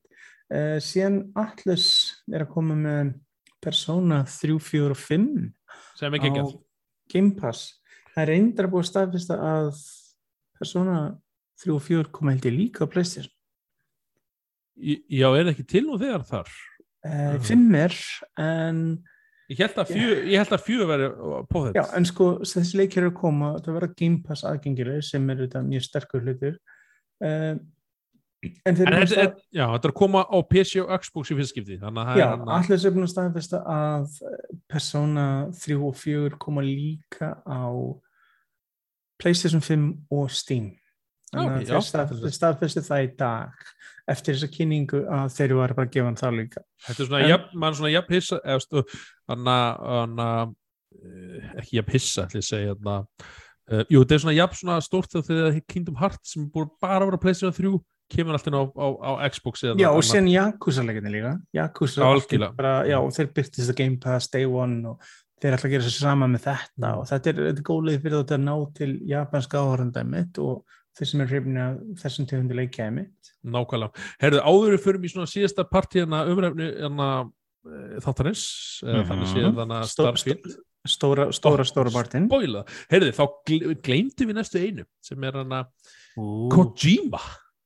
Já, uh, það búið orðum í marga mánu að Kojima er að fara að gera eitthvað verkefni með Xbox, ekki ólíkt og hann gerir með Sony með Death Stranding og það var eiginlega staðfest en það eina sem þetta var var bara hei, ég er hrjóna með Xbox og það er gaman og spennandi en við erum, við erum engur nær samt hvað þetta er. Nei, nákvæmlega, þetta er svona, hann vil meina sig að vera búið til svona einhver leiki kringum hérna cloud uh, technology Microsoft. Mm, já, það er enda sinn rúmur núna að hann sé búið til horrorleik Mm -hmm. en það spurning hvort það sé leikur fyrir bara Playstation, bara fyrir Xbox eða fyrir bæði og þið sé eitthvað allt annað sem er það nokkur ár. Það er svo erfitt að vita með Kojima maður en, en það er alltaf gaman að sjá bæði Sony og Microsoft eru dubn og fleia selveskinni í hann og láta hann búið til skrýtna hluti og það er, ég er alltaf til, alltaf til í það. Hann má eiga það, hann kann, getur gert leiki hérna, eins skrýtnur getur verið, á, á mjög svona, hvað segir maður, uh, ég ætla ekki að segja stuttum tíma, en, en hann getur staðið við, þannig eins og, uh, og Death Stranding var að koma út, ég maður bjóst ekki til því, ha, tók hann þrjú hálft ár eða að munaði þetta rosalega mikið að hann þurfti ekki búið til engineið að Mikið. þeir fengu engineið frá Guerrilla Games. Og en um þetta hann gæti ekki nota Fox Engine sem var grátlegt. Þegar vorum búið til Fox Engine hjá Konami sem var rosalega fjölbreytt vel Já, og þetta þegar Konami og og Kojima splitti þá þetta gæti hann ekki ekki velina með sér. Nei, nei, þannig að hann þurfti að finna einhver leið til þess að já, og bara tókst ótrúlega vel, þannig að, Já, ég menn Destranding er indislega skatta leikur og ég er gaman á hann fyrir nákvæmlega, og ég verð minnst í fórðin að sjá hvað, hvað þetta að sér. Algjörlega, Microsoft er með, er djúpa vasa þegar geta vel flykt einhver pengi hann já, já, algjörlega, algjörlega, hann að við verðum spennt, ég, það er langt ef við sjá þennan leik, við munum sjá hann einhverju Já, Game Awards með Kili sko. Já, við myndum að fá einhverja tíser og síðan annar tíser en að við einu svona sjáum hann leik uh, já, og á þá svo síðasta leiknum uh, á þessu sinni, það er hérna Starfield frá Bethesda sem var loksins tilkynntur eða kynntur, Já, það frekar leikur sem átti upprunalega að koma út 11. 11. ala Skyrim dagstingin já, en í staðinn kemur á næsta ári, við veitum ekki hvenar en næstu 6-12 mánuðum samkvæmt eh, internetinu nákvæmlega. En hvernig voru svona uh, þín fyrstu viðbröð eftir að hafa séð þannig að stikluna? sko ég var ekki viss fyrst hvað við myndum fá að sjá. Við fengum þetta teaser sko svona CGI og ég var ekki viss hvað þetta er bara svo leis ég Já. horfði á, sko, það er svo erfitt líka svo að dæma að horfa á einhvern netströym. Ég horfði á ströyminu og hann var alltaf eitthvað leðileg síðan horfði ég á fjöka vídeoið á YouTube beint frá þeim. Já, og þá fikk maður að sjá leikinn svona almennilega, svona án þess að allar þessar þjappanir sem er í kompressinu. Já, og nákvæmlega. ég skalið ekki um það, ég er pínu fanboy til að kemur að þesta leikjanum og þrátt fyrir allt sem getur verið á þeim ég er að reyna mitt ítrast að verða ekki of spendur Ef maður ætti að líka þessum leik við einhvern þá er það klárlega No Man's Sky. No Man's Sky mætir Fallout. Það, er það, það þessi ég mynd allan daginn. Ég, hérna, ég er rosa spenntið fyrir leika eða, veist, hana, og, og hlakka til að sjá meira. Þetta, ég, ég veit ekki hvað svona væntingar eða svona hugleika maður hafði fyrir hennum og hérna, það sem ég fannst kannski svona mestu bömmir við eða vitað að er er að hvað mér svona tók að því hvað ég eh, er komið leið og kræ, hvað ekki kræ engine. Creation, Creation Engine Já, 2 en, en sko það málið sem þeir þeir eru búin að endur skrifa það er oft með þessar engines það er geta heitið þetta en það er kannski búin að flega 95% út af það sem vélin er. Já, það er oft gert svo að þú veist, ég er ekki að segja að það veri ekki einhver alls konar ruggli en ég bara segja að það er ekkit óalgengt að það sé gert að það sé maður sér hennar personar maður sé personunum er bara ah, þetta er svo mikið fallout eitthvað svona soulless augur karakter í huginu svona. Mm. en, en ég ætla ekki að ég ætla ekki að finnst talsveit framför á karakterunum með við uh, já klárlega, bara þú veist hvernig, hvernig hún þau svona, hana, brost við mann og, og, og var hennar hreyðist en, en svona veist, við erum ekki svona álfráðis leikum út já, það er svona þú veist hvernig karakterinn að horfa á því eitthvað svona, svona oh, þetta er svo mikið fólátt og, og skæri en það er ánægilegt að þau ætla að gefa sér nægan tíma en leikurinn virkar alveg samilega pálist núna en hvernig heldur það með þetta er hilt á? Sérstaklega líka með við hann verið styrra komplex leikurinn. Akkurat. Já Já, fyrir, fyrir hlustendur sem kannski hefðu ekki tökka að sjá Starfield-trailin þá er alltaf að tjekka að hún þetta er 15 minúti langt vídeo. Já, við mælum með að bara fólk kíkja á trailin í mjög góðum gæðum. En þetta er svona game rannsóknarleikur einhvern veginn svona að þú ert hérna á ró, ég ætla ekki að segja órannsækara plóndu. Þetta er svona pínu followed í geimnum með mjög Já. miklu áhrifum að leikum eins og Sky. Þú ert að skanna hluti lífur. Að skanna, og... þú ert að mæna, þú ert að berjast, þú ert að lúta, þú tekið þátt í gengið til liðs í fylkingar eins og í fólkleikjunum og joinað eða unni með á mótingurum uh, búið til bækistöðar Já, þú getur búið til bækistöðar og það sem kom kannski mest ávart er að þú getur búið til einn gameskip og stóri partin að þú getur flóið og það, er space combat. Það, það var eitthvað sem maður búist ekki maður búist kannski mest ræðið að þú getur customæsa skipið og síðan var þetta bara að smetla einhver takka þess að hoppa á einum stað til annars. En nei, nei, nei, það er bara þú getur, það er bara space combat og customæsa skipin og síðan getur þú flakkað um og þeir eru endur kynninguna með að segja þessi eitthvað þúsund plánutur til að kanna í leiknum. Já, já, þegar okkur það var svona já, hérna, hérna er sólkerfið með nýju plánutum en svo getur fullt af fleiri sólkerfum og já, það er þúsund plánutur sem getur rannsakaðið Já, og líka það sko, þú ofta er í svona leikjum sem aðsökfrið, það er eitthvað plánutur sem þú lendir á, en þú getur bara að skoða þennan eina stað sem þú lendir á, en þarna var hann að segja að þú getur daglega sér farið á alla plánutur og skoða um hvernig þetta er, minn leikurinn þetta nota svona procedural generate eins og leikir eins og No Man's Sky og fleiri nota þú getur ekkert handbúið til þúsund plánutur, þá verður 16 ára búið til leik. Akkurat. eða eittir einhverjum biljón, biljón dólarum í það. Mm -hmm. þannig að verður eitthvað svoleiðis element líka, en það er svona aðeins að sjá og sérstaklega vitandi þetta er single leikar og það sem höfðu til mín einmitt er nákvæmlega þetta. Þú veist Sé, mér líst, ég verði ekki um það litla nörda hörta mitt hopaði nokkur slög stundum og tímbilið þegar ég var að horfa á þetta en ég, það er útfram margt að ég fíla við, við leiki í leikjum orðið þesta þrátt fyrir marga vankant það er að líka. Þá er ég, er ég pínir sakkur fyrir en ég skal bara vikina það. Þannig að maður skilur svona alveg þú veist, já maður vissi náttúrulega ekki hversu látt leikur á komin Nei, nei, þetta er mjög metnað fyrir leikur Algjörlega. Þeir eru búin að vinna á hann sem kláruð fjögur svo það er ágætt stími og líka bara fyrir, eh, fyrir spil, spilarar og nóður sem hérna, bara elska dýrka Fallout 4 eða Fallout leikina og, hérna, og, og Skyrim að þá er þetta bara the next big thing þannig að þetta er að fá Já, ég menna, eins og segi, ég menna leikir víst, maður er búin að fá svona sletta og svona leikir með eins og átur svo byrjandi að tvei leikir heita svipina Outer Worlds og Outer Wilds. Já Já, þess leikurinn frá Obsidian einmitt, sem er einmitt mjög mikið svo sípað, bara miklu smara rými sko. Einmitt, einmitt. en eins og því það er mjög mikið uh, No Man's Sky svona vibe í þessu upp á exploration og hvernig plándunar eru og slúðis og uh, ég hef mjög forrættin, ég er að reyna svona, maður er að reyna að halda vendingunum sínum ég hef hingað til ekki verið svikina en ég, ég, ég get svona hort fram með að segja að Fallout 76 er ekki búin til að þeim sjálfum svo Nei, nákvæmlega. síðusti leikum sem þeir gera voru Fallout 4 þannig að en þetta er miklu starra batteri í dag en það var, svo það er líka það. En eins og segi þetta er mjög aðtísuleikur og einstakleika þetta er bara á Series S og X velna og PC og Steam þetta er console exclusive fyrir Xbox að Já, Sony, Sony aðdandur þurfa annarkvæmst að spila á PC eða splæsa í Xbox vel nei, já, akkurat, þetta er eins og hann er ekki að koma á Playstation. Það uh, kannski líka- Switch? það- Nei, tjók. ætti samt að hjálpa honum að vera bara á ein, einu plattformi Já, já, líka bara þess, þetta, er, Leik- þetta er það sem Microsoft voru að kaupa á þessum tíma. Já, ég meina þetta er nákvæmlega það, þeir vilja þetta. Mm -hmm. og sem eru spurningar mitt þegar eftir nokkur ár þegar kom Elsklo 6 leikin sem ég mun að selja einhvern í ánuð fyrir. Já, eh, þess að sem ég er mjög spennt fyrir. Hann er hérna ég, hana, já, akkurat og ég ekki heyrði, dálítið hlut að hann verði það líka ég heyrði það í einhverju hlaðvarpi þá var einhverjum einhverju segja hana, já, ég heyrði það í orðum að eldur sko 6 var að koma næsta ári. Ég bara, já, nei, nei hann er ekki að koma með við hvernig, með við hvernig þetta vinnur, jú þeir eru að stækka.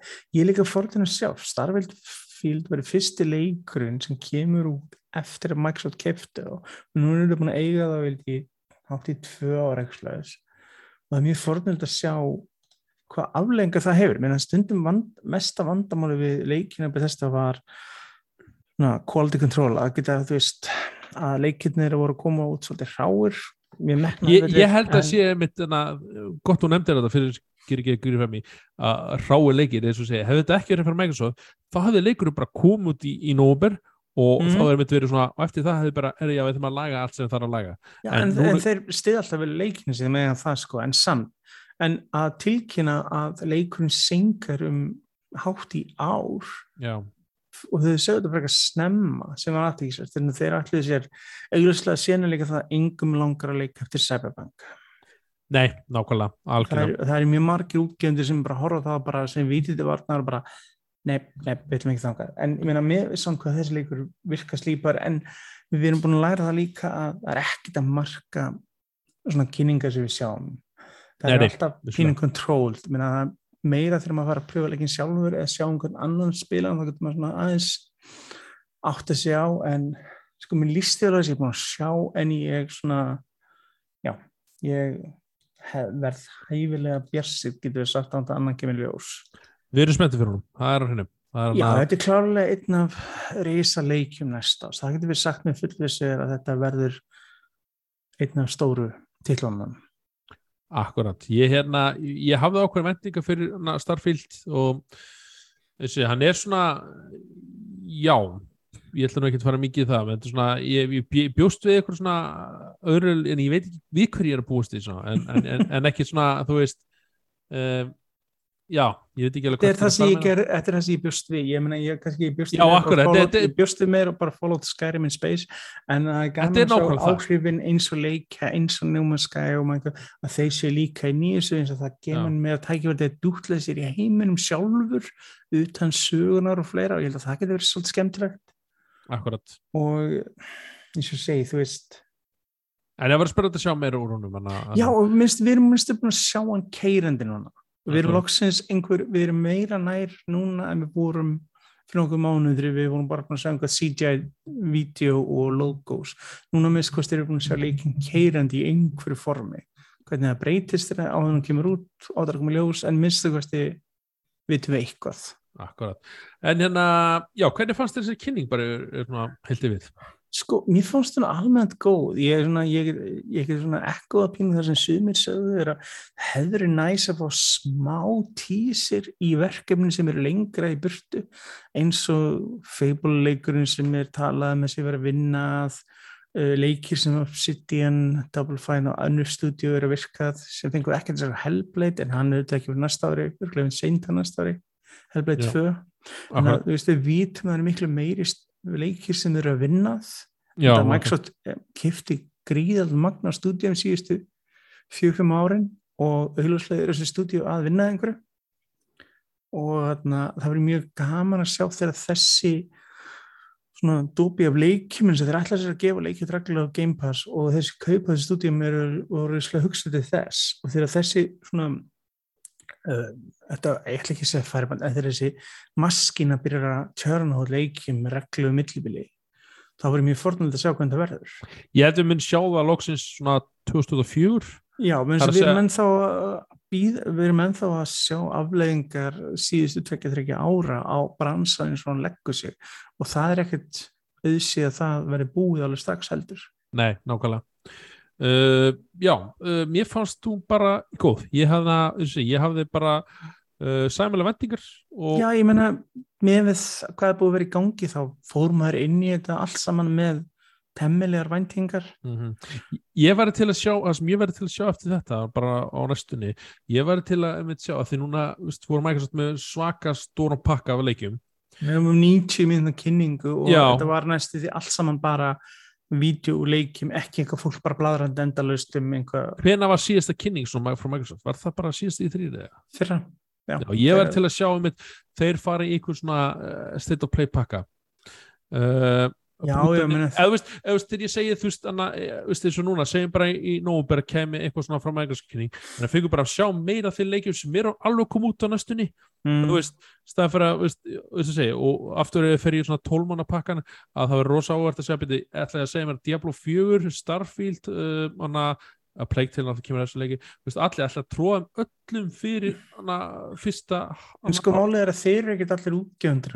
En er að að sumtæðis eru third party, sumtæðis eru þeir, svo þú vil líka til þess er að sumtæðis leikir með að koma út á önnur plattform líka. já, já, leikir sem þeir eru bara að út sjálfur, svo þetta er svona, já, sko, ef ég þurfti að veðja þá myndi ég halda að Redfall væri fyrirpart ársins. já, Ég myndi segja að Diablo er því smiðpart til fyrirpart ársins. Ég- Septem, hefur- septem, september 2023 er ekkert ólegur tími, sept 8 eitthvað svo leiðis. já, þá er eins og segja komið fram með tólmanna tæknilega sé, það er þetta tegið og viskundir maður. Já, ég, ég, ég, ég, ég, veist ekkert af því, ég veist bara svona því En ég myndi halda það sko, já, ég myndi halda að Redfall er fyrirparstrásins og alveg undir lókinu á þessu 12 mánu tímubli ish, þá ætti vonandi starffylg að koma með þess að miður ætlu uppröðin að gefa nút í nóvumber á þess ári og er nút á næsta ári, þá er ekkert ólíklegt að leikunni það langt sandkomin að þú veist, þannig þurfi ekki ótrúlega langa tími viðbútt en minna ef þið sérstaklega reyða miklu tími að slípa bara til. Og en ég, já, ég menna þetta er fórtum við líka útgáðdagar eru mjög breytil fyrirbæri og geta breyst með mjög litlum fyrirvara. Og alveg sem með, ef við tala á Callisto meina hann er sett í desember sem er alveg í bláend ásins hann geti alveg droppað inn í jan fyrir þess vegna, þessi leikur.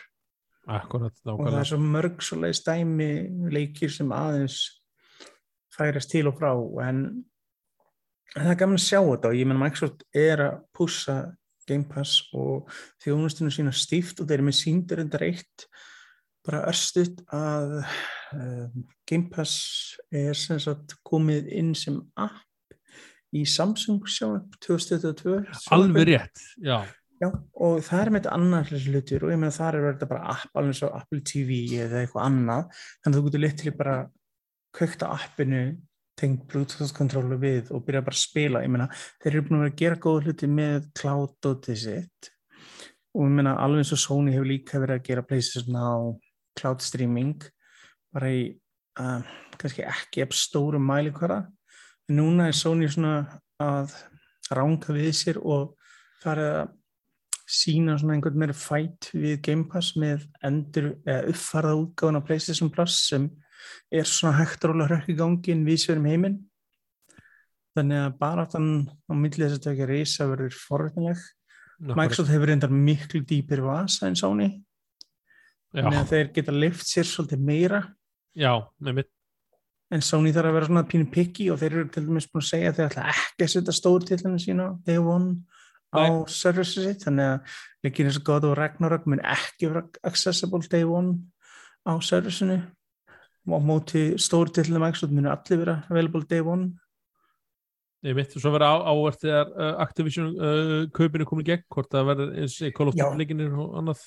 Call of Duty mun líklega halda áfram að vera multiplatform Já, ég er, ég er að tala um svo Game Pass líka, veist, veist. Já, en, en að fá þá allt í Game Pass Day One í staðin fyrir að fara að kaupa Modern Warfare 3 eða hvað sem það er leikur næst, ári verður einu bara, hei, ég get bara downloada núna á PC eða konsol þess að ég er með Game Pass. Geggjað. Það er huge, eða Diablo 4 Mhm. ímyndaðir og líka alla eldri til henni þetta verður rosalegt, ef þessi kaupgang gegn sem ætti líka um að gera á fyrir bara næsta ás þetta er svo stóru flókin kaup að þau þurfa svolítið tíma í gegnum allt sýstinni í bandrækjunum en það var ekki, þú veist Microsoft hefur ákveðin áhuga líka að accessa katalóg titla sem Activision Activision hefur búin að vera þetta mjög duglegt í mörg ára að kaupa önnu stúdjó og svipa eins og ég og síðan jarðaður reyndar en þeir eiga rosalega mikið af IPs af titlum.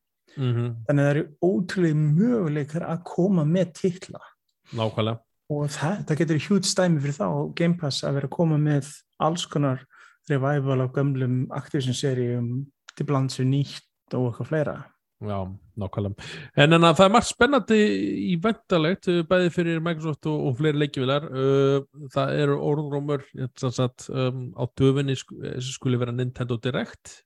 Jú, jú, svo segir, svo segir sagan Það er búið að segja 15. júni, þannig að segja 29. júni og þetta er búið að vera flakka milli bara eins og, eins og allt annað.